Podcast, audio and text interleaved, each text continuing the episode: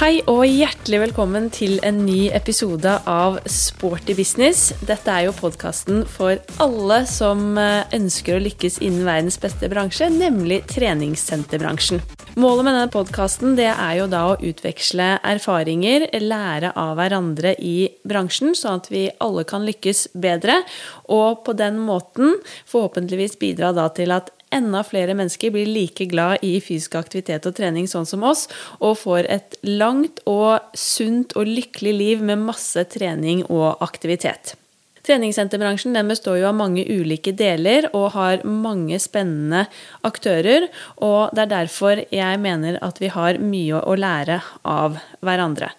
Jeg syns f.eks. det er superspennende å høre hvordan en personlig trener tenker om det å coache sin kunde, hvordan det er å møte nye kunder, eller hvordan hun eller han løser ulike utfordringer med kunden underveis i samarbeidet. I en samtale med en personlig trener for eksempel, så kan jeg som gruppeinstruktør lære en hel del og ta med meg ulike tips og triks og råd inn i f.eks. da gruppetreningssalen. Peter er egentlig de perfekte sparringspartnere, synes jeg, for gruppeinstruktører. Og spesielt når jeg tenker på det å kunne programmere styrketimer bedre, det å få tips i forhold til hvordan man kan gjøre øvelser alternative, hvordan man kan legge til rette for folk som har fysiske utfordringer med kroppen, så synes jeg også det å snakke med personlige trenere er utrolig hjelpsomt for å lykkes bedre som instruktør men også vice versa. Vi som eh, gruppeinstruktører kan også lære PT-ene masse.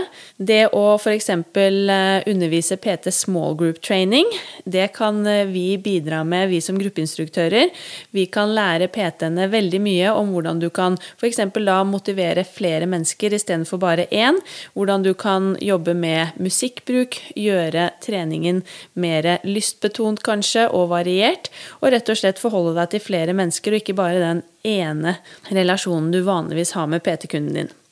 De som jobber på gulvet på et treningssenter, de har mye å lære av ledelsen og faktisk lære hva som foregår bak kulissen og det å drifte et senter. Og jeg tenker også at ledelsen har mye å lære av oss PT-er eller gruppeinstruktører, resepsjonister eller andre som jobber på gulvet i treningssenterbransjen. Og det er jo nettopp dette jeg ønsker å belyse i denne podkasten, at vi har mye å lære av hverandre, og at vi kan hente mye interessant kunnskap fra å snakke med de ulike aktørene i bransjen. For vi blir ikke bedre alene, vi blir bedre sammen. Vi er jo ganske i startfasen av denne podkasten, så jeg setter utrolig stor pris på om du som lytter også har lyst til å sende inn litt tips eller ønsker i forhold til hvilket tema du vil at vi skal snakke om i denne podkasten, eller også hvilke gjester du ønsker å høre. Så hvis du har noen ideer, så blir jeg superglad om du vil sende en mail til hei at sbpod. Det er da sb for sportybusiness.no. Så hei at sbpod.no. Det her finner du også informasjon om på vår Instagram-profil Sporty Business Podcast. Men dagens tema og gjest gleder jeg meg nå veldig til å dele med dere. Først skal jeg snakke litt om bakgrunnen for dagens tema. For det å trene med personlig trener det har jo blitt veldig populært de siste årene i treningsbransjen, og flere og flere velger nå å investere i det å trene med en PT. Flere og flere jobber også som fulltid som personlige trenere, og i dag så er det om lag 2000 2500 aktive PT-er i Norge. Jeg syns jo også det er utrolig gledelig at bransjen gjennom bransjeorganisasjonen Virke Trening nå har tatt initiativ til å kreve minimum ett års utdanning for alle personlige trenere. Det gleder mitt faghjerte. Så det har skjedd mye de siste årene, og det er flott at denne delen av bransjen har fått et realt kompetanseløft. PT-ene er jo utrolig viktige aktører på et treningssenter, og det er avgjørende at PT-ene gir kundene kvalitetssikker og motiverende trening. De har en enorm påvirkningskraft i møte med mennesker, og det er viktig at de kan gi dem et positivt møte med fysisk aktivitet og trening. Så temaet for dagens pod det er nettopp personlig trening og hvordan du som PT kan skape en god relasjon med dine PT-kunder, og ikke minst hvordan du kan motivere dem optimalt. Og dette er et tema som jeg tror de fleste PT-er er nysgjerrige på, og et område som man virkelig ønsker å lykkes innen. Da jeg selv også jobbet som personlig trener på Elixia Colosseum for mange år siden, så husker jeg også at dette var noe av det viktigste jeg ønsket å få til. Jeg ville skape et godt forhold med de kundene jeg hadde. Jeg ville føle få, jeg ville få dem til å føle seg sett, ivaretatt og ikke minst prioritert, og selvfølgelig motivere dem til å komme jevnlig tilbake og ønske å fortsette med meg som personlig trener. Men hvordan er det man skal gjøre for å oppnå dette? PT-kundene er individuelle, ulike mennesker med forskjellige personligheter, mål og verdier, og det kan kanskje virke utfordrende å nå frem til alle og knytte denne gode relasjonen. For å belyse dette temaet så har jeg med meg i dag en av de dyktigste jeg kjenner, nemlig førsteamanuensis ved Institutt for idrett og samfunnsvitenskap ved Norges idrettshøgskole, og idrettspsykolog Frank Abrahamsen. Hjertelig velkommen til eh, Sporty business, da, Frank. Tusen takk. Veldig veldig hyggelig å få lov til å skravle sammen med deg i dag. Det er jo et av mine høydepunkter å få med deg i podkasten. fordi vi har jo kjent hverandre lenge, helt siden jeg begynte på idrettshøyskolen. Og du har vært min veileder bl.a. i alle år der, og også gjennom masteren. Og så må jeg jo få lov til å skyte inn at vi har jo også skrevet bok sammen det siste Ja, det tok vel to-tre år nesten. Det tok litt lengre tid enn vi tenkte i utgangspunktet, ja. men uh, det ble bra til slutt. Men vi kom i mål. Ja. Så jeg setter jo veldig stor pris på samarbeidet med deg, og syns også nå det er veldig stas å få lov til å få deg med i eh, podkasten. Vi er jo helt i starten av denne podkasten, så dette blir jo en av de første episodene òg, så det setter jeg stor pris på. Men for de som ikke da kjenner deg så godt som jeg gjør, så lurte jeg på om du kanskje kunne bare begynne å fortelle litt sånn om eh, ja, utdannelse, bakgrunn, og hva du egentlig gjør i dag. Ja, det er et godt spørsmål. Jeg begynte som trener allerede når det året jeg fylte 15. Jeg husker ikke om jeg var 14 eller 15. Da var jeg fotballtrener og fant ut at det var, det var veldig morsomt. Noen år senere så Litt sånn tragisk bakhistorie, men da var det en kompis av meg som satt fast i Irak, eller i Kuwait, faktisk. Det var Saddam Hussein invaderte Kuwait. Ja. Og han kom De blei innesperra der, satt i husarrest noen måneder, og de kom altfor sent eh, til skolestart. Og da hadde jeg privattime med han og noen andre kamerater og venner i, i matematikk. Ja. Så i tillegg til å drive med idrett som trener tidlig, og så fikk jeg liksom sansen for det å jobbe med mennesker og drive med undervisning og veiledning. Mm. Så, så, jeg har en lærerbakgrunn med masse idrettsfordypning, og så har jeg fortsatt på idrettshøyskolen med hovedfag og doktorgrad i idrettspsykologi. Ja. Så jobbet jeg lenge på Olympiatoppen eh, i overkant av ti år, hvor jeg var med på mye mesterskap. Fire OL blei det til slutt. Mitt femte OL i år, men det var da kokkelandslagene, som også er spennende. Så jeg jobba med mye ja. forskjellige prestasjonsgrupper, egentlig. Og det var jo veldig gøy, for det gikk veldig bra i år. Ja, det gikk veldig fint. Seniorene ja. tok eh, OL-gull. Eh, masse flinke kokker med, både på junioren og community catering også, så det var veldig spennende. Herlig. Og hverdagen eh, nå, den består eh, av hva for noe? Du er på NIH til daglig? Ja, så det er jo forskning som er omtrent halvparten av jobben. Så er det mye undervisning. Og skal ikke snakke så mye om det, men det er, det er spennende utfordringer på det om dagen også. Mm. Så, så, vi bruker mye tid på å løse situasjoner som, som, samfunnet har kommet i, og tenker også på hvordan vi skal være bedre rusta og drive forskning for f.eks. For idretten på hvordan man skal kunne, kunne, komme godt ut, eller så godt som mulig ut av dette og være bedre forberedt for ting som kan skje senere. Mm. Det er veldig spennende. Og temaet i dag er jo personlig trening og PT-rollen og relasjonen mellom kunde og PT. Og det også er det jo nå heldigvis kommet mer og mer forskning på. Og det har jo du stålkontroll på, vet jeg, blant annet. Og masse erfaring, så det er jo grunnen til at eh, du sitter her i dag. Men når det gjelder dette med personlig trening eller trenerrollen Du sa at du har jobbet som fotballtrener, blant annet. Har du jobbet som trener innen andre ting, eller har du også vært PT? Begge deler. Jeg har vært kampsport sporttrener, og er fortsatt det litt. Og Jeg var personlig trener noen år, ikke fulltid, jeg hadde andre jobber, men jobbet litt som personlig trener. Det begynner å bli mange år siden. Men jeg syns det var veldig spennende eh, å ha ansvaret for, eh, for, å hjelpe andre til både å holde motivasjonen, men også til å få mest mulig effekt ut av det de holder på med. Mm.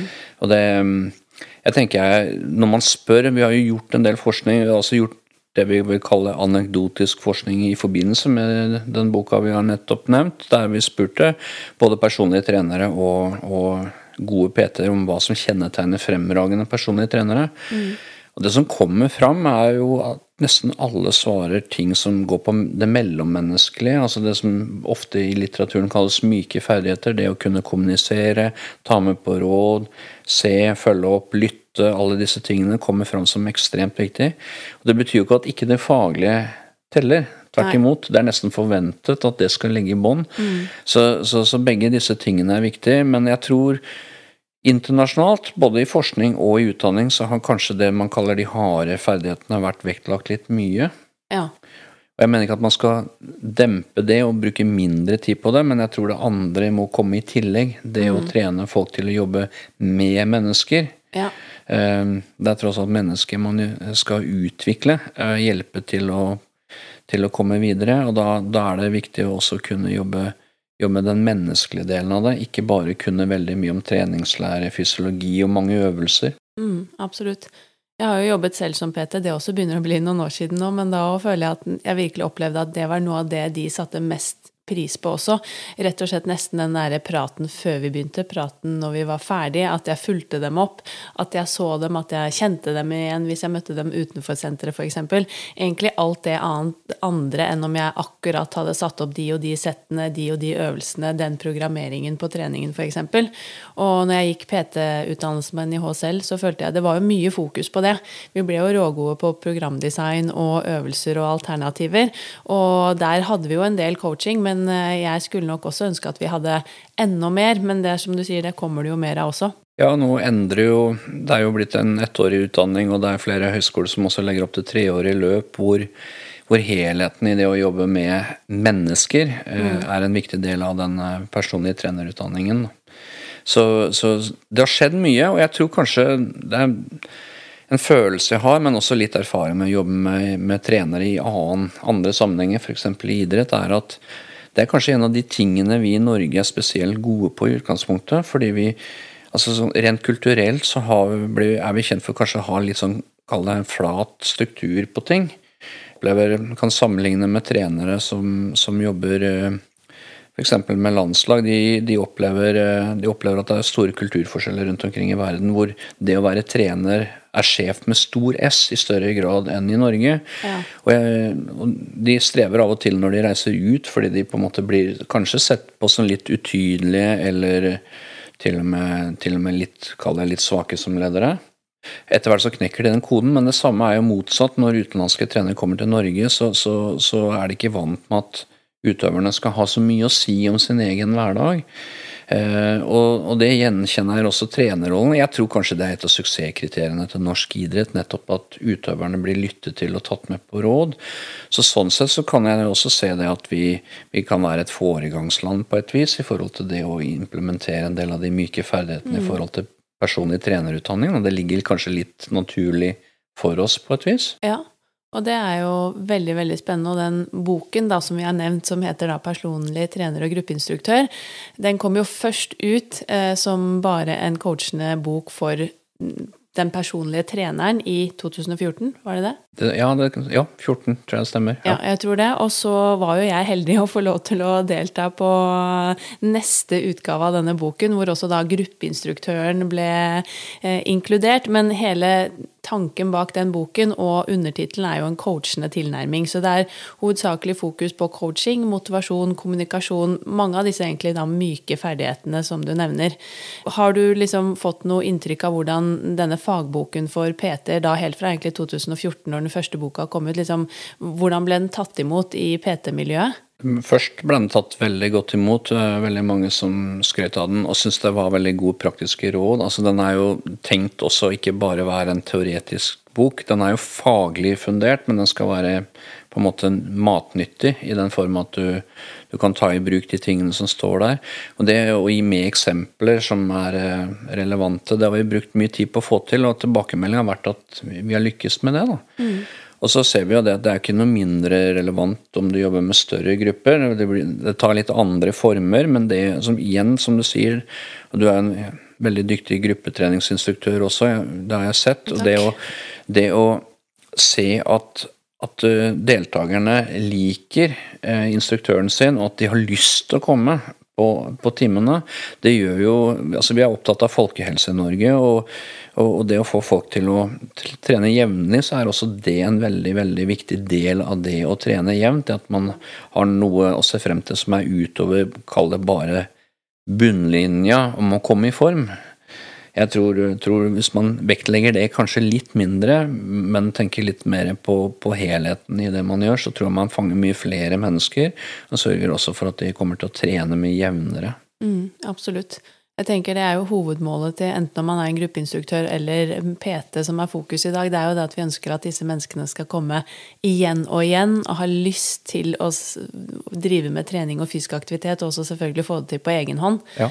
Men selve PT-rollen, hvis du skulle beskrevet den perfekte personlige treneren, eller har du liksom noen sånne enkelte punkter som du tenker det er det som karakteriserer en ordentlig dyktig mm, PT? Ja, jeg ville bruke ordet profesjonell utøver eller yrkesutøver. Og det, det, det, handler Som sagt, vi har nevnt mye om de myke ferdighetene. Jeg tror det å se deltakeren sin og, og lytte, lytte til hva vedkommende egentlig ønsker. Ikke på en måte bare ta utgangspunkt i det man vet fungerer, men også møte den, den man skal jobbe med litt på veien, er en viktig del, av det. Men man må jo også ha noen profesjonelle grenser. Der, med det mener jeg at f.eks. det å bli for nær venn med de man jobber som med PT, det kan by på utfordringer. Og der er grensen også for, for hver enkelt veldig ulik, men jeg tror det er lurt å ha tenkt på det. Når jeg jobbet som trener, jeg har også opplevd å få telefoner tidlig tidlig på morgenen, og det er kanskje ikke i helgene. Det er kanskje ikke satt like mye pris på de du bor sammen med, f.eks. At, at fremmede mennesker ringer deg klokken eh, halv syv søndag morgen.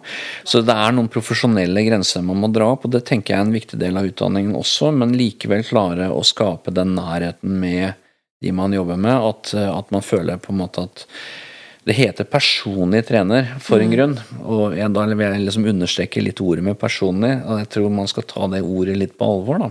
At, at det betyr at eh, det er noe mer enn en, en bare å tilby trening det er personlig trening, om du mm. vil. Det er veldig veldig viktig å være faglig sterk, og jeg tenker at hvis jeg skal gi et råd til de som har lyst til å bli personlig trener, så er det jo egentlig å lese seg opp og jobbe tett og lære så mye som mulig. Og da mener jeg også de harde ferdighetene, fordi det er jo ingen tvil om at hvis man trener feil, så kan man gjøre stor skade. Men eh, jeg tror også det å det å trene på, på å ha et stort verktøyskrin i forhold til hvordan man jobber med mennesker, da, og kanskje motiverer dem og får dem til å forstå at de de øvelsene jeg foreslår, de gir jeg for en grunn. Mm. Jeg, altså jeg tror rett og slett at de er gode for deg. At man klarer på en måte å overbevise på en, eh, på en, på en god måte, hvor man ikke direkte overtaler, men heller at man spiller på lag og får kunden til å forstå hvorfor dette er viktig for meg. Mm, absolutt. Jeg tenker jo også at disse harde ferdighetene på en måte, de må ligge i bånn, og det er kanskje ofte det man begynner med, for disse myke ferdighetene er jo ofte også mer utfordrende å få til. Lære seg å også begynne å implementere som PT, så at man på en måte bygger litt sånn eh, steg for steg. At man begynner med de harde ferdighetene. All kunnskapen om treningslære, fysiologi, anatomi, eh, programmering osv. Og, så og så kommer på en måte dette med de myke ferdighetene også litt etter hvert. Og jeg tror det å snakke med andre som har vært lenge i Tyrkia og stjele, kalle stjele tips, som du vil, jeg tror det er veldig ålreit. Uh, Gjerne, gjerne, når man er fersk, kanskje til og med tenke at er det noen som kan hjelpe meg litt i gang som mentor, nærmest, hvor jeg kan diskutere ting. Man har jo en taushetsplikt, men man kan jo ta opp ting generelt. Mm. Og jeg tror jeg jobbet med toppidrett, og dra sammenligne dem med gode utøvere de, Veldig mange av de beste utøverne internasjonalt som jeg har liksom fått lov å jobbe med, vil jeg nesten kalle ydmyke, i form av at de lytter til folk de møter og tenker 'hva kan jeg lære av deg?' Altså, det er ikke sikkert de hører på deg, det er ikke sikkert det passer til dem, men de, de er alltid ute etter å kunne få noen ytterligere små fordeler da, ved å lære av andre. Mm. Og jeg tenker det at den tilnærmingen til det at man uh, ikke tror at det finnes en fasit på alt, men at, uh, at man alltid kan utvikle seg, det tror jeg er noe som også kjennetegner veldig mange av de som som blir god over tid. da. Mm. jeg tror også at uh, den innstillingen gjør at man ser etter ting man kan lære på. Altså Man uh, rett og slett blir litt mer søkende og nysgjerrig på, på hva som, som, rører seg.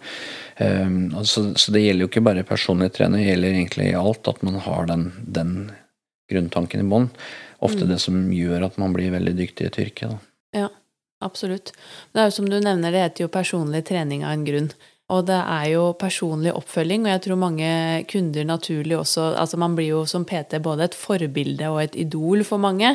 Det er en man ser opp til, det er en man hører på, ofte da stoler på ganske blindt. Eh, selvfølgelig også hva den personlige treneren sier, men ikke minst det at man føler at man får et veldig sånn tett forhold, kanskje, og at det kan være vanskelig å skille mellom disse.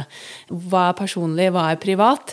Men samtidig så er det jo viktig da å skape denne gode relasjonen mellom PT og kunde. Eh, og det tenker jeg kanskje mange kan oppleve som litt vanskelig eller problematisk. Jeg husker selv når jeg jobbet som PT, så fikk jeg jo stadig vekk meldinger eller en mail, og, kundene mine lurte på ting. Og så vil du jo veldig gjerne følge opp og være engasjert og vise at du bryr deg. Men har du noen tips liksom til For vi vil jo skape den gode relasjonen, men hvordan ikke bikke over til at det blir for mye eller for nært? Ja, det er et godt, uh, godt innspill. Jeg tenker jo, du, du, nevner det jo allerede. Jeg tror første steget er egentlig å anerkjenne at man kan ikke treffe alle. Altså Uansett hvor dyktig man er, så vil det være noen, noen man treffer bedre med. Og jeg tenker jo at Man skal tenke at alle kundene som kommer inn, den siste kunden som kommer inn døra, er den viktigste kunden jeg har hatt. Altså Man mm. alltid har den tilnærmingen. Men jeg tror det å også være ydmyk i den forstand at man sier til en eh, at man tør å diskutere dette åpent med kunden. Til og med kanskje til og med si det at vet du hva, jeg erfarer at ok, vi har et bra samarbeidsforhold, men jeg tror faktisk at jeg har en kollega som vil være enda bedre akkurat for deg. Mm. Er, det, er, det, i orden at, vi, at jeg tenker sånn? For det også begrunne det kanskje litt hvorfor det, for det kan passe. Da tror jeg, Hvis man får til det i et, eh, på en måte i et samarbeid hvor man ikke bare er konkurrenter til hverandre som PT, men at man er, tenker PT som team, mm. så tror jeg, tror jeg, man får veldig stor respekt hos kundene hvis man rett og slett begrunner det. At, at jeg tror det er andre som kanskje kunne gi deg enda mer fremgang, eller enda, enda, treffe enda bedre. Da. Mm. Så det er kanskje det første rådet. Og så ville jeg jo nok vært nøye med den første timen, starttimen, hvor man bruker tid på å legge rammene for det samarbeidet man skal ha. Jeg tror, altså, Det er kanskje en fare i starten, for da man, det gjelder, det erfarer jeg også fra vanlige treneryrker, at man i starten tar den jobben man får, setter den litt på spissen, men man kanskje skal bruke litt ekstra tid på akkurat den, den starten og bli kjent og tenke at det jeg hører hos deg, da tror jeg kanskje f.eks. Lasse vil være den perfekte personen i treneren. Mm. Eh, fordi han er skikkelig god på det og det og det. Hvis du kjenner at du faktisk tror kanskje at det er andre som ville treffe den kunden bedre. Jeg tror, På sikt så tror jeg man vinner på, på en sånn tilnærming. fordi en venninne av meg pleide å si at det kommer ingenting inn i en lukket hånd. Det er, det, er, det er, noe sant i det. Mm.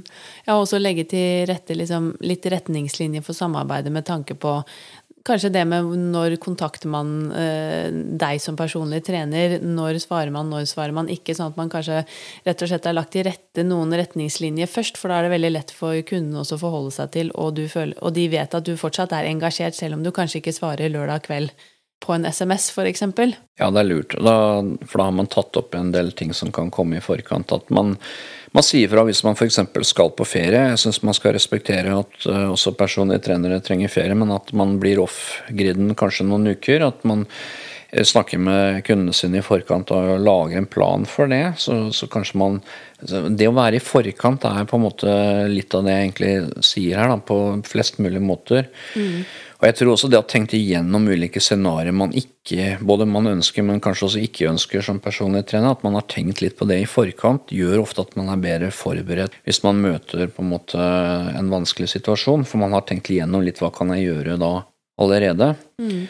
Jeg anbefaler jo også å bruke en slags form for dagbok, hvor man noterer ned små suksesser og også ting man kanskje ikke var så fornøyd med, sånn at man har en viss læring på det. Um, det er jo ofte sånn at en del historier gjentar seg selv, og etter hvert når man får mer erfaring, så vil man kanskje kjenne at det kiler litt i magen, ikke på den gode måten. Mm. Og jeg tror man skal tørre å utforske den erfaringen litt noen ganger. og Tenke at her er det et eller annet som gjør at jeg ikke tror dette samarbeidet blir godt. Og man kan brenne seg veldig ut på på en måte prøve for mye et samarbeid noen ganger. Og jeg tror noen ganger det kan være det beste for begge parter å være ærlig på at vet du, som jeg har sagt før i dag, at kanskje, kanskje det er andre som er bedre mm. for deg. Absolutt. Og spesielt som ny PT så tror jeg også dette er veldig viktig å prøve å være flink til å snakke om det i starten, fordi da er man veldig engasjert, man er kanskje litt usikker, eh, man vil gi og gi og gi, vise at man bryr seg om personen osv., og, så og så blir man kanskje spist opp, og så er det vanskeligere å på en måte begynne med å ha vært veldig tilgjengelig, og så trekke seg unna. Så spesielt for eh, de som er nye, så tror jeg det er veldig lurt. Selvfølgelig, man eh, lærer jo hele veien og kan justere etter hvert, men man sparer jo mye hvis man kan liksom tørre å legge til rette de rammene med en gang.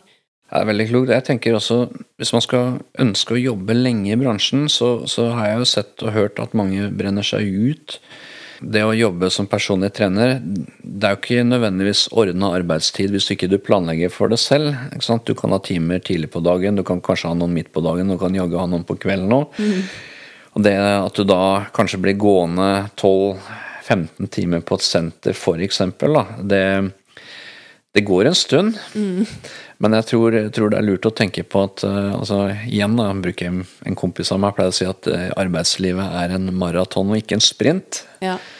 Og det å planlegge litt for det også kan være gunstig. Kanskje man skal tenke at jeg ønsker kanskje å Hvis man føler at man treffer en kundeprofil, da, kanskje jeg skal trene med de som, som, kommer eh, på en viss tid av døgnet, at det er en spesiell kundeprofil som jeg treffer godt. Kanskje man skal ordne arbeidsdagen litt på den måten. Mm, det er smart. Og jeg tenker også at det, eh, det, skjer jo veldig ofte når man er ny, at man jager for å få flest mulig kunder. og Det har jo noe med inntektsgrunnlag å gjøre, det skjønner jeg. Men det, det å være en eh, fremragende PT er jo gjerne å ha kunder som kommer igjen og igjen. At man slipper det jaget etter hele tiden å måtte ha påfyll av nye kunder. Mm. Jeg syns det blir tatt veldig godt opp. Vi har i boka Det er jo det er vel Atle Arntzen som er PT-sjef for Sats Elixia. Uh, Sats. Sats, ja. Jeg glemmer det. Jeg henger fortsatt igjen i Sats, Elixia.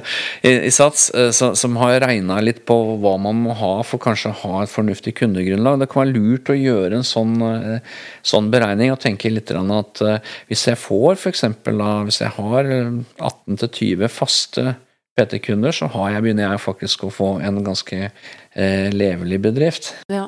Og det er jo som du sier, er jo, man ønsker jo å få disse faste kundene, gjerne. Og bygge seg opp en, liksom en kundegruppe. Og man ønsker jo gjerne å hjelpe disse menneskene over tid òg. Og i hvert fall min erfaring, da sånn helt personlig fra PT-yrket selv, var jo nettopp det her med en god relasjon. Jeg, har møtt, jeg møtte bl.a. nå for um, Før denne koronatiden startet, når gruppetimene gikk som vanlig, så møtte jeg plutselig en av mine gamle PT-kunder på Myren sportssenter, som jeg da trente på Elixia Coliseum. Og kjente henne jo igjen med en gang, selv om det er mange år siden. Husket navn, og bare det satte hun da igjen så stor pris på. Men vi opparbeidet jo et veldig tett forhold og en god relasjon når vi jobbet sammen. I hvert fall min erfaring er jo det at det har ekstremt mye å si. Og igjen, eh, man vet jo Jeg i hvert fall har jo lest en del forskning som tilsier det. Vi brukte jo mye tid på det i boka også. Men hva vet vi? Har det kommet mye forskning på det området nå? Eller hva vet vi om liksom den gode relasjonen mellom PT og kunde, og hvor mye det har å si for f.eks. kundens opplevelse eller suksess eller måloppnåelse i dette arbeidsforholdet? Ja, det er fortsatt veldig lite forskning. Vi har jo en longitudinell studie som ser på Det er jo ikke på PT-kunder spesifikt, det er på senterkunder. Og hva som gjør at de kommer, kommer igjen og kommer igjen. Jeg, jeg, vil, jeg, vil, jeg, vil, kanskje basert på det da, si at en av de tingene som gjør at folk ikke kommer igjen til sentrene, er f.eks. det vi vil kalle hindre som er i hverdagen, eksempelvis. Og jeg tror for å dra det litt videre, for å komme tilbake til spørsmålet, så tenker jeg at det også er veldig viktig når du jobber som PT. Det er å, det er å bruke tid på hva som gjør at kunden kanskje kommer til å slite med å gjennomføre opplegget som dere setter ned. Bruke litt ekstra tid på det å planlegge rundt det, rett og slett. Tenker jeg er en eh, ekstremt viktig del av det. Det tror jeg blir veldig viktig. altså Banalt eksempel, da, men, men en, en, annen eh, venn av meg som er PT, fortalte om det eksempelet. Han var en kunde som gjerne ville sykle, sykle til og fra jobb som en del av det å endre på kroppssammensetningen. altså liksom Få en mer aktiv hverdag. Og så, så, så, var spørsmålet da Men eh, du har jo barn, ja. De skal hentes i barnehagen. Eh, ja. Så det er litt sånn banalt eksempel, men altså man tenker veldig fort hva man har lyst til, og så ser man ikke på hva som i praksis passer. da. Så jeg tenker det at det, det er veldig viktig. Og så er jo det eksempelet du selv ga med den personen som kjente deg fra Myren treningssenter. Jeg tror det å tenke gjennom hvilken, hva slags PT du ønsker å være, og hva du vil bli gjenkjent av kundene dine når du møter dem ti år senere, mm. hva er det du vil huskes for? Det, det, styrer veldig mye av måten du jobber på, tenker jeg, da. Og ja. det tror jeg også altså Som du sier, hva er det som gjør at uh, Hva er det som kjennetegner et godt samarbeid? Jeg tror det også har litt med hvilken type Man må jo kunne være seg selv. Ja. ja ikke spille en rolle. Det, det, vi kaller det å være kongruent. altså At man er den typen man er. At man får lov til å være det i et samarbeid som profesjonell, mm. men ikke privat, som du nevnte. Det tror jeg, tror jeg er ekstremt viktig. Vi ønsker jo å forske mye mer på det, og det som går igjen, er jo En er kontrakten man har mellom treneren sin og, og kunden, at man har en avtale. Mm. Eh, og Det kan man få i andre sammenhenger også, men det liksom å ha en profesjonell samarbeidspartner, det er en viktig del av det. Og også som vi gjorde i intervjuene som var gjort for bøkene, det er jo det at de de, en, en, personlig trener som kjenner deg, kan pushe deg på riktig måte. Da, Man kan ha avklart Noen vil jo Altså, Stereotypen på en PT er en som står og brøler på deg for at du skal pushe deg mer. Det er ikke så mange det passer for, tror jeg. Nei. Men det passer for noen. Ja. Ja. Så det, det, å, det, å, avklare sånne ting også, at, at eh, måten man blir motivert på, da, det er avklart på et vis, det tror jeg også er ekstremt viktig. Så, så igjen, vi er litt tilbake til det å bruke tid med kunden utover det som skjer i treningssamarbeidet. Mm. Bruke god tid på startsamtalen. Bruke tid på å evaluere timen i etterkant. Sette av noen minutter etter at timen er over, og evaluere det som har vært. Og kanskje være Jeg vil faktisk anbefale å være nøye med å kanskje bruke litt tid på å snakke med kunder. Enten de kundene som, som, slutter å bruke deg som personlig trener, at man spør er det greit at jeg har en prat med deg for å lære, rett og slett. Mm. Hva er grunnen til at du ikke benytter tjenestene? Det kan være veldig ofte ikke være deg. Ja, det kan være helt andre grunner. Det kan være at de har bytta jobb, bytta bosted, bytta ja. Men å liksom lære hva er grunnen til at du valgte å ikke gjøre det lenger, det er den mm. ene tingen. Men også av de, de, som man har jobbet lenge med, hva er grunnen til at du fortsetter å jobbe med? Så man lærer av suksesshistorien sin, og kan man ta med noen av tingene der. Absolutt. Det er veldig lurt. å generelt da bruke tid på å bygge den gode relasjonen, sånn at, og, og tar seg tid til å lytte, følge med, være årvåken som PT. For da, det sier seg jo også selv, da kan man jo tilpasse også da treningsopplegget og det man legger til rette for, mye bedre, sånn at den kunden igjen også da når sine mål, hvis man tenker litt sånn rent mer fysisk, eller hva man er ute etter. Og så tenker jeg um, litt mange, i hvert fall igjen når jeg jobbet som PT, så opplevde jeg at mange kom, og så ville de bli trent, og så rett ut igjen. Men første gang du møter disse, så er det jo nettopp det at man ønsker jo som PT å bygge den gode relasjonen og lære om det mennesket som du møter, for å nettopp finne ut hvordan kan jeg legge til rette for god trening, hva skal vi sammen oppnå. Og det også igjen tror jeg kanskje er viktig å legge til rette for i den første samtalen, og faktisk, eller gjerne si det før de kommer, at nå kommer vi til å kanskje mest sannsynlig snakke i en halvtime, kanskje også mer, og så blir det litt aktivitet, sånn at de ikke har en forventning om at nå skal vi virkelig pushe på i 60 minutter, og så skal jeg dra hjem igjen. For man trenger jo tid til den samtalen i starten. Ja, og jeg tenker det å ikke ha fått tett med timer mellom kundene, altså at man eh, har startet på hver klokketime bestandig, gjør at man kanskje ikke får tid til det etter at eh, den forrige PT-timen er over, før den neste starter. Og jeg tror også man trenger litt pause selv. Det er jo en grunn til at man i f.eks. Eh, man tenker at psykologer ikke skal ha kanskje mer enn fire-fem kunder maks i løpet av en mm. dag. Man blir faktisk sliten av å jobbe tett med mennesker.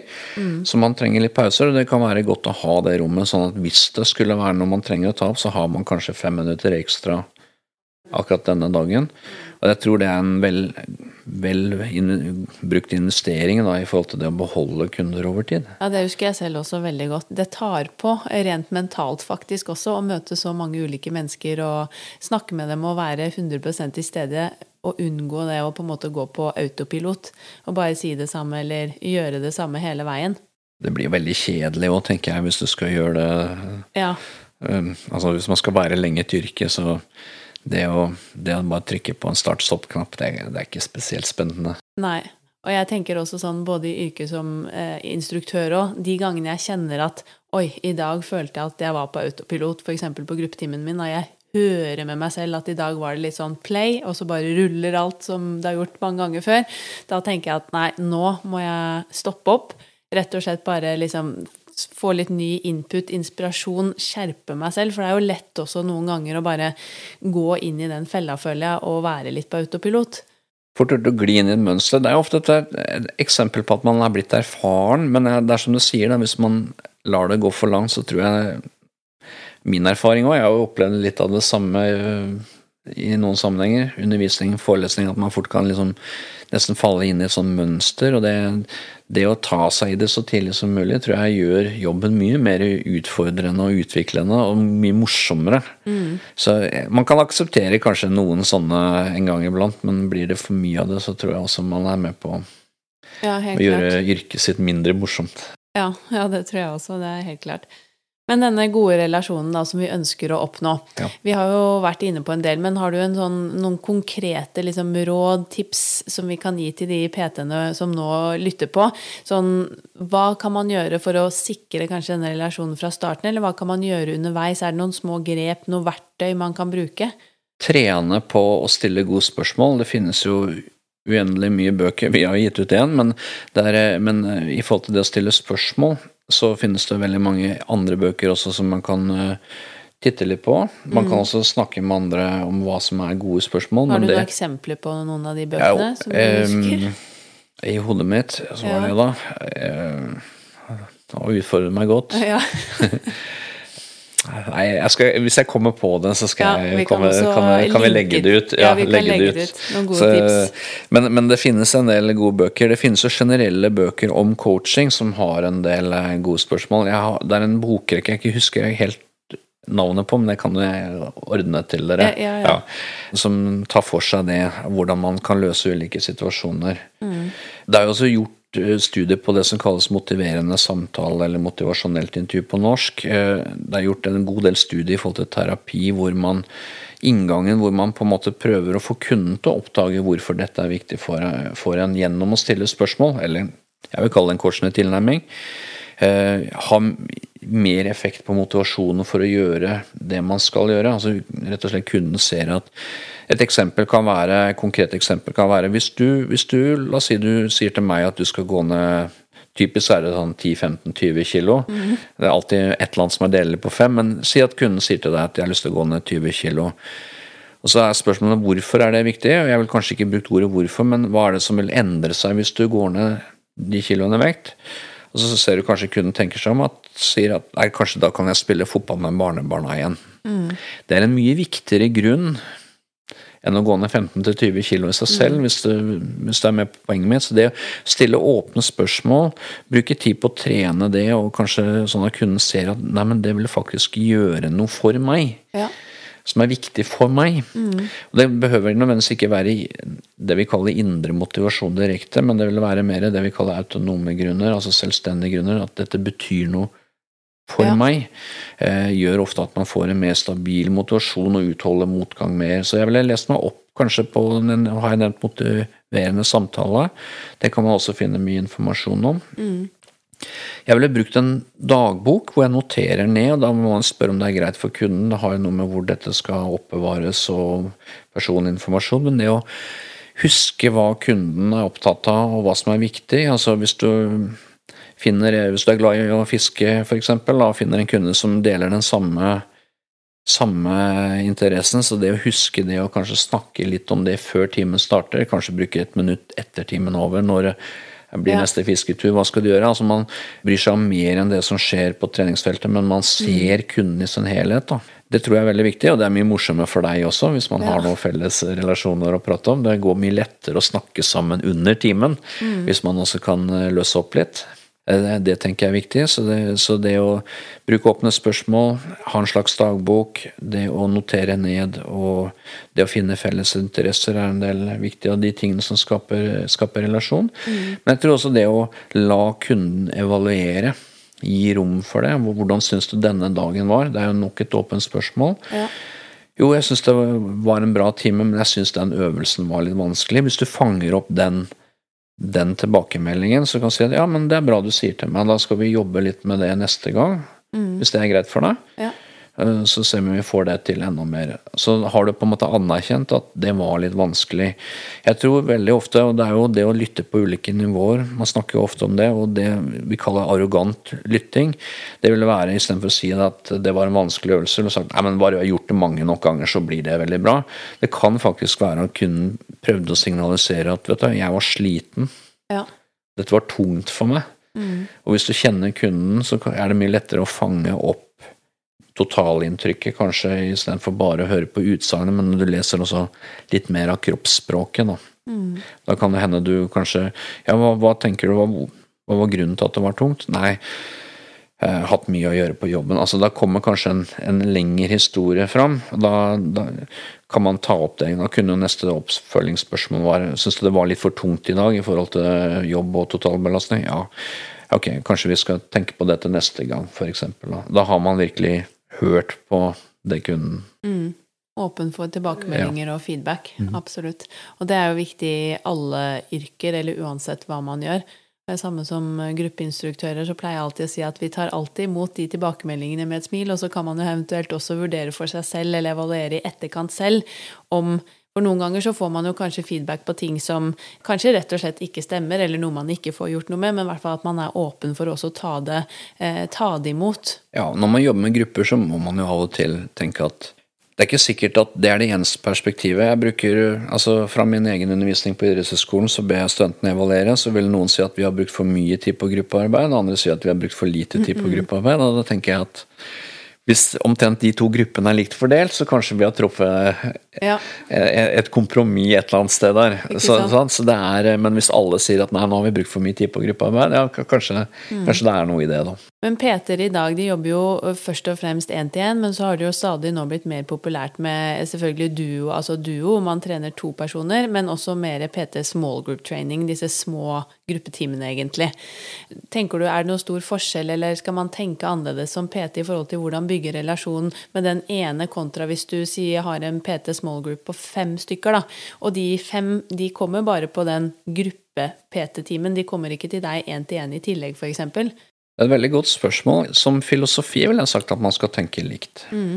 Det å trene duo eller i små grupper, det er jo For kunden er jo fordelen at du deler på kostnadene.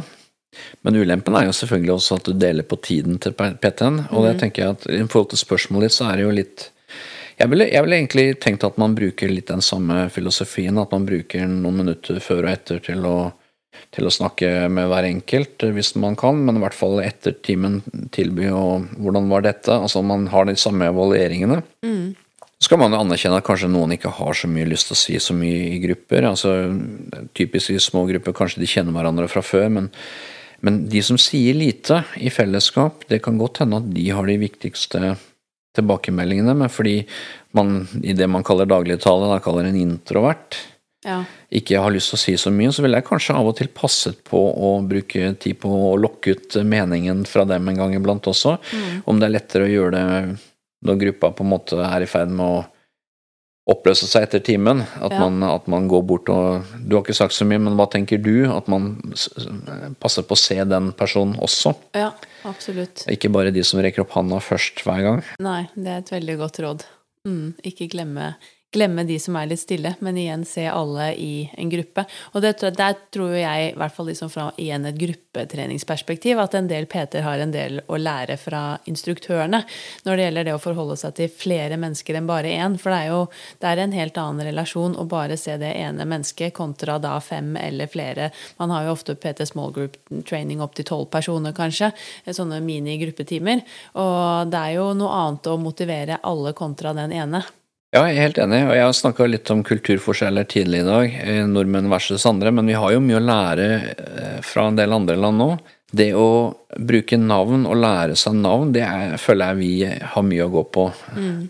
Og det å, Selv om det er en gruppetime, hvis du har noen gjengangere, det å lære seg noen navn der og, og si så hyggelig å se deg igjen, og så gjerne bruke navnet, det, det, er ikke bare for at de skal komme igjen, men jeg, jeg mener faktisk at det er en viktig del av det å anerkjenne andre, at jeg faktisk bruker tid på å ja. huske hva du heter. Absolutt. Ja, og hyggelig at du kommer. At ikke det er hyggelig at dere kommer. At ja. hver enkelt føler at det er hyggelig at du kommer. Helt enig. Og det, det, kan man jo bare kjenne på selv òg, tenker jeg. Jeg syns jo det er superstas når eh, f.eks. en instruktør eller PT, eller når jeg selv var deltaker, da, når de kjente meg igjen. Det varmet jo, og jeg satte jo utrolig stor pris på det, og det tror jeg alle kan kjenne seg igjen i. At man setter pris på å bli sett, og spesielt også kanskje da personer man ser litt ekstra opp til i hverdagen. Så tror jeg kanskje det er lettere å utfordre også når man føler at Altså som instruktør og PT, når man føler at den grunnleggende relasjonen i bånn er der. Mm. At uh, når man føler at uh, ting ikke stemmer, så er det lettere å ta det opp, fordi man vet at det er gjort med en, en omtanke under. da. Ja. At man f.eks. hvis man har en spinningteam og ser at det er en som vanligvis er veldig aktiv, ikke, ikke, ikke var på i det hele tatt. Så, så, så, hvis man føler at man har en relasjon, så kan man jo kanskje til og med spørre var det noe som skjedde, eller ja, mm. så at du ikke var like mye med som du pleier i dag. Ja. Så skal man ikke være terapeuter eh, til, eh, til, kundene sine. Det er viktig, det, som du sier, man har noen profesjonelle grenser, men, men det liksom igjen av å se at uh, i dag så så jeg det var litt tungt. Ja. Jeg vil kanskje ikke ordlagt meg akkurat sånn, men, men, men, men det liksom å anerkjenne at, at, man har både oppturer og nedturer, det, det er en del mm. av gamet. Ja. Eh, tidligere så var vi jo litt inne på dette her hvis man føler at idet man møter en PT-kunde, og så kjenner man at kanskje det rett og slett er målene til den kunden du ikke kan hjelpe med, eller at man kjenner at her har man forskjellige forventninger, og du tenker at dette er det bedre om en annen PT rett og slett tar seg av. Men har du noen tips hvis man f.eks. begynner med en PT-kunde, og man opparbeider seg forholdsvis et godt samarbeid, og man har trent over lengre tid, men underveis så utvikler denne relasjonen seg til å bli noe man kanskje ikke trives med, eller den blir for intens, eller det funker ikke, eller denne personen tar altfor mye kontakt eh, på privaten. Hva gjør man inn i et på en måte samarbeid hvis man kjenner at det da ikke funker lenger? Nei, jeg tror, som jeg sa tidligere, hvis man kjenner det, så syns jeg man skal besøke den følelsen som, som profesjonell, og da må man tenke nøye gjennom om, om man kan om, man er komfortabel med å fortsette. Det er jo igjen litt tilbake til avhengig, altså avhengig av relasjonen. Det kan jo være at uh, man i sånn, en sånn sammenheng tenker at dette går absolutt ikke, og er, vi er nødt til å liksom terminere samarbeidet. Jeg syns jo man skal kunne begrunne det, men det er jo måten man ordlegger seg på med det. Mm. Eller man kan eh, vurdere om det er muligheter å ta det opp, om man tror at det er en hensiktsmessig måte å gjøre det på. At man tror hvis jeg tar det opp, så blir det bedre. Ja. Men jeg tror det verste man kan gjøre, og det er jo en del av yrket å også håndtere det man kaller ubehageligheter. Heldigvis er jeg ikke jeg føler ikke at det er hovedvekten av det som skjer, men, men det kan skje. Det er også en del av det å være profesjonell. Så jeg tror man ikke skal la det gå for langt. Mm. Eh, jeg tror man skal tenke å tørre å ta det opp. Og jeg har jo sett enkelte som utvikler eh, relasjoner til utøverne sine også i idrett. og Personlig er jeg veldig skeptisk til det, for det endrer dynamikken i veldig, veldig mye av det man gjør. Ja. Man er jo også et maktforhold på et vis, begge veier. Altså kunden i form av at man betaler for en tjeneste, men PT-en i form av at man tilbyr tjenester i bytte for, for, noe. Så man skal være veldig bevisst det. Så jeg tenker at når man opplever det ubehagelige, så vil jeg kanskje Hvis man har noen kolleger man kan diskutere dette åpent med, ikke nødvendigvis personer, men at man har, eh, har litt kall kalle, Ta vare på samarbeidspartner, da, hvor man kan på en måte diskutere sånne ting av og til. Mm. Det tenker jeg er veldig viktig, og jeg håper jo at senteret og senterledere også tar sånne ting på alvor hvis det skulle dukke opp. At det er også en viktig del av en bedriftskultur, faktisk. At ja. man tar vare på arbeidstakerne sine på den måten. Det vil jeg absolutt uh, sier jeg ekstremt viktig. Så, så, så, før man gjør noe overild, så jeg, vil jeg bruke tid på å tenke igjennom hva er den beste løsningen, og tenke igjennom ulike scenarioer, for hver situasjon vil antagelig være litt unik. Ja. Det kan jo være bare at kunden er veldig ivrig. Mm. Uh, og veldig interessert, og egentlig bare er positivt, men dette oppleves som litt plagsomt. Men det kan også være at kunden har begynt å få følelse for sin personlige trener, som vil være en helt annen inngang. Ja. Og i generell psykologi så vil man jo Litt avhengig av hvilket teoretisk ståsted man har, så vil man si at man kan bruke den kjemien som oppstår mellom en kunde og PT på en god måte, så lenge det er til hjelp for kunden. Men jeg tror, jeg tror man skal være veldig forsiktig for å bevege seg på sånne mønstre. Jeg tror man skal tenke seg veldig nøye om. Ja, absolutt. Det er jo generelt eh, lurt å i hvert fall ta seg tid til å tenke gjennom hva, hvordan man ønsker å løse et sånt problem, eller hva man vil si, eller eventuelt skrive på en e-post. Ta seg tid til sånne ting, at man ikke gjør det veldig overilt, eller når man er ekstra litt irritert eller oppskjørtet. Det er jo generelle råd som er gode uansett. Ja, jeg er helt enig. Og så er jeg veldig glad for at utdanninger av personlige trenere, det tror jeg er en viktig del av etikkdelen i det. Mm. At man bruker mer tid på å trene seg til å være forberedt på sånne, sånne scenarioer som kan oppstå. Det at du, du får en kall betalt venn, om du vil, da, som er genuint opptatt av deg og din velvære, lytter og på en måte 100 til stede for deg, det er jo ikke så rart om man kan få litt varme følelser kanskje noen ganger for, for, en sånn person. Og da er vi litt tilbake til det, det vi har snakket om før, forskjellen mellom å være profesjonell og personlig og privat, altså du skal dele de tre tingene, så ligger ordet profesjonell kanskje et sted mellom der. Ja. ja. Man skal aldri glemme det.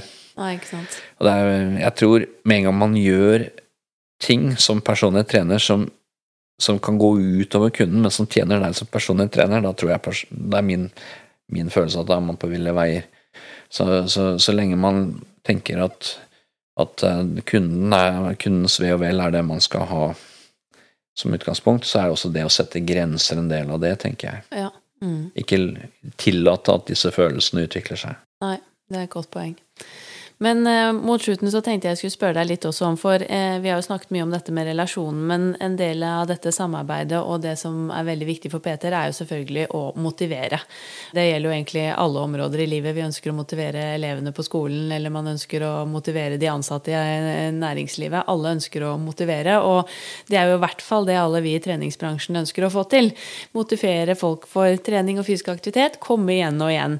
Har du liksom noen sånne gode, enkle enkle verktøy der eh, mot slutten nå som også PT-ene kan ta med seg inn litt sånn konkret praktisk i hverdagen for å optimalisere eh, motivasjonen? Ja, eh, jeg har vært inne på det allerede. Så jeg vil kanskje si at idrett er ordet motivasjon mest misforståtte begrep av noen.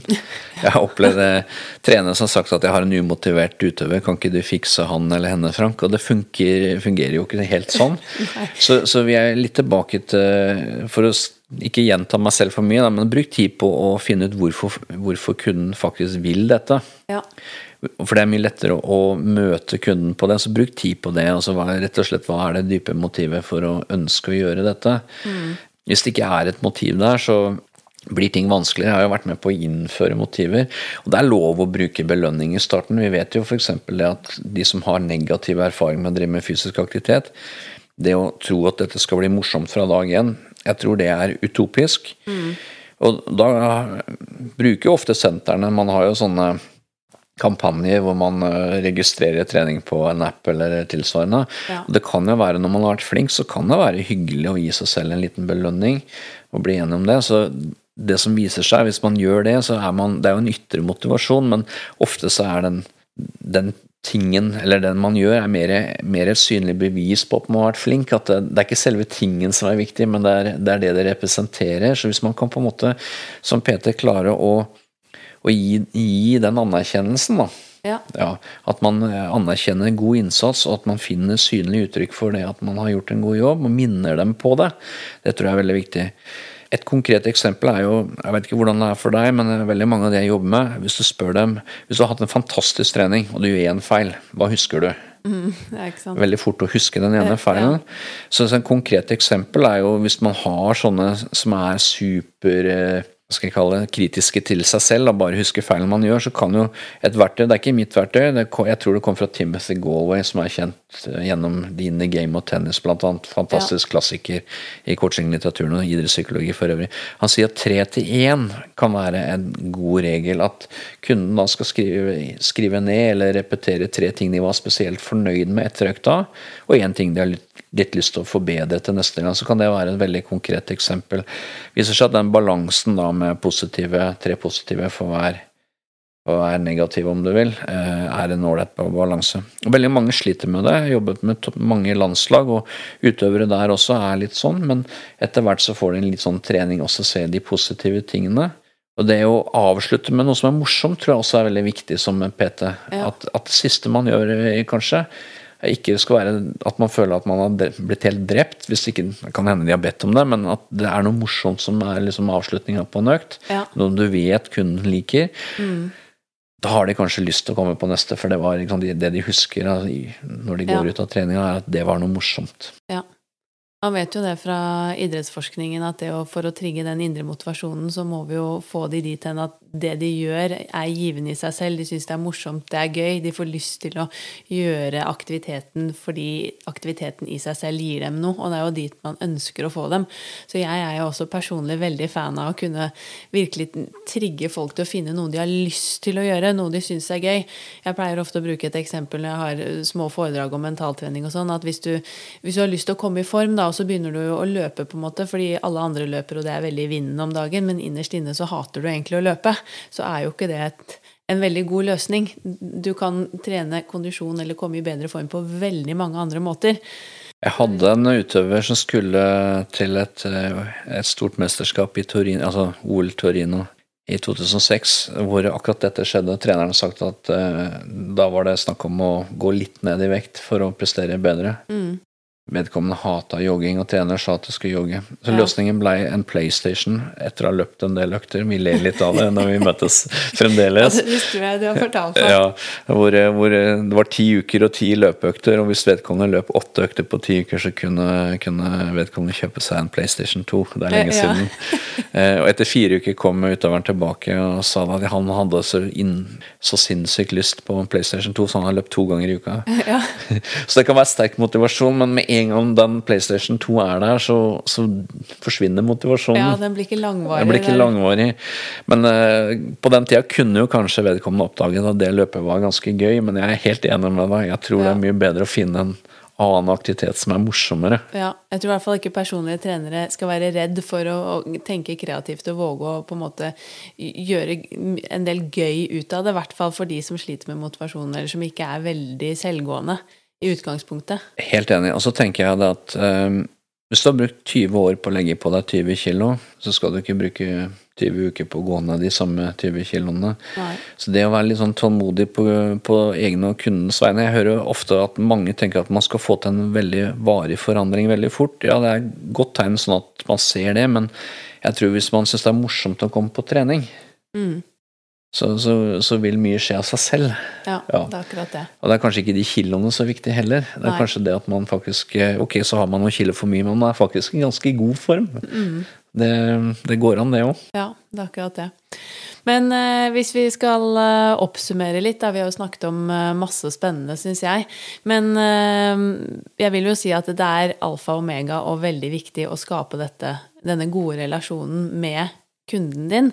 Og for å gjøre det, så er det egentlig først og fremst eh, de myke ferdighetene man bør fokusere på etter å på en måte når man har det andre på plass, selve programmeringen av program osv., det å se hele mennesket, ta seg tid til å lytte lette. Eh, gjerne, som du sier, skrive ned i en bok hvis det er greit for vedkommende. Man må kanskje spørre litt også, men hus, hvis man er dårlig på å huske navn, da rett og slett skrive det ned. Ta seg tid til å skrive ned litt om eh, personen, hva man opplever i, har opplevd i hverdagen, litt familie, ting du har plukket opp i løpet av, av økten, f.eks. eksempel og rett og slett ta seg tid til å se hele mennesket, og ikke bare fokusere på de kiloene man løfter ekstra i knebøy, f.eks. Ja, men kort fortalt godt oppsummert. Uh, ja. Så jeg vil jo i hvert fall anbefale alle Peter til å bruke god tid på akkurat den biten, for da lykkes man uh, veldig, og også på lang sikt, vil jeg si, hvis man tar seg tid til å bygge disse gode relasjonene med kundene. Og så tenkte jeg jeg avslutter uh, hver pod med et par spørsmål som jeg tenkte jeg skulle gi deg også.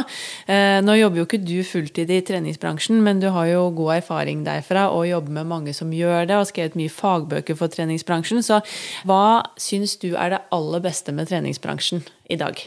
Det aller beste er jo at eh, altså, det går an å se to, to, på to måter.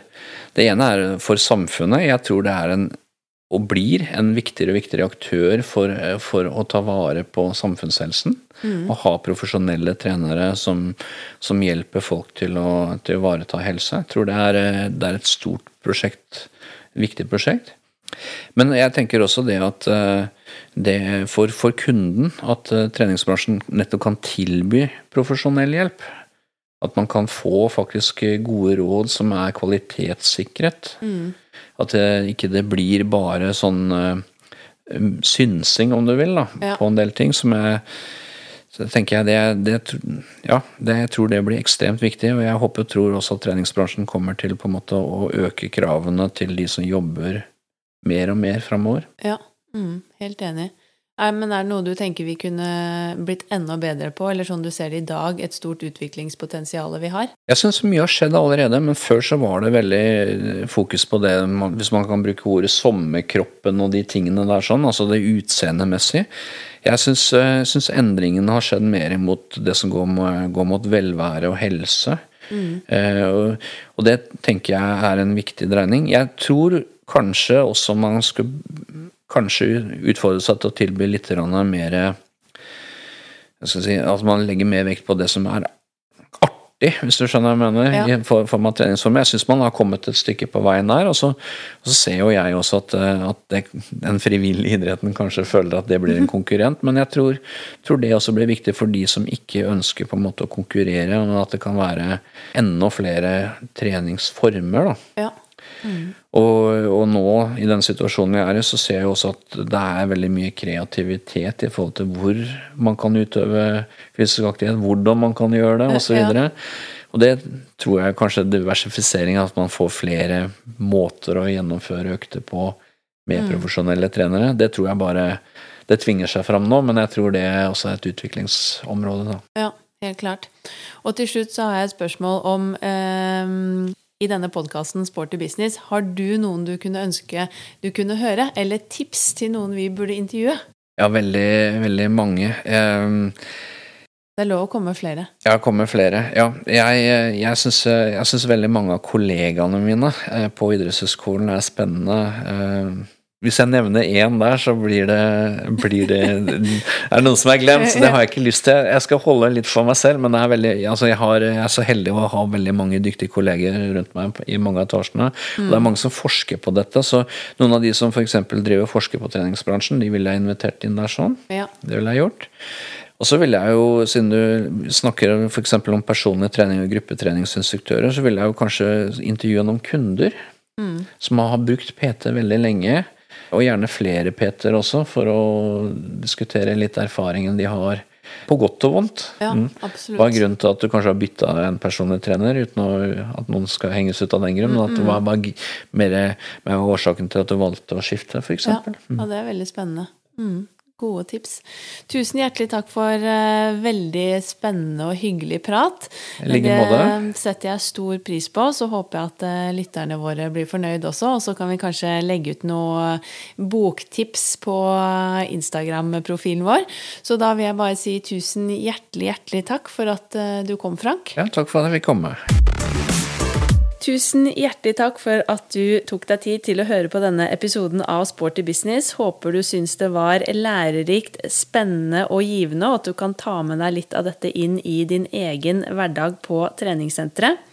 Du finner oss også i sosiale medier på Instagram at Sporty Business Podcast. Og du finner oss også på Facebook. Der har vi en egen gruppe med navnet Sporty Business for alle lyttere. Og her håper jeg også at vi kan møtes, dele erfaringer, hjelpe hverandre og inspirere hverandre. Hvis du har spørsmål eller ideer til tema du ønsker vi skal snakke om, eller gjester du ønsker å høre her i poden, så blir vi superglade hvis du vil sende oss en mail til hei at sbpod.no No. Og så håper jeg at du vil høre på oss fremover. Vi poddes. Denne podkasten produseres av Inspartum Akademi og North Stories.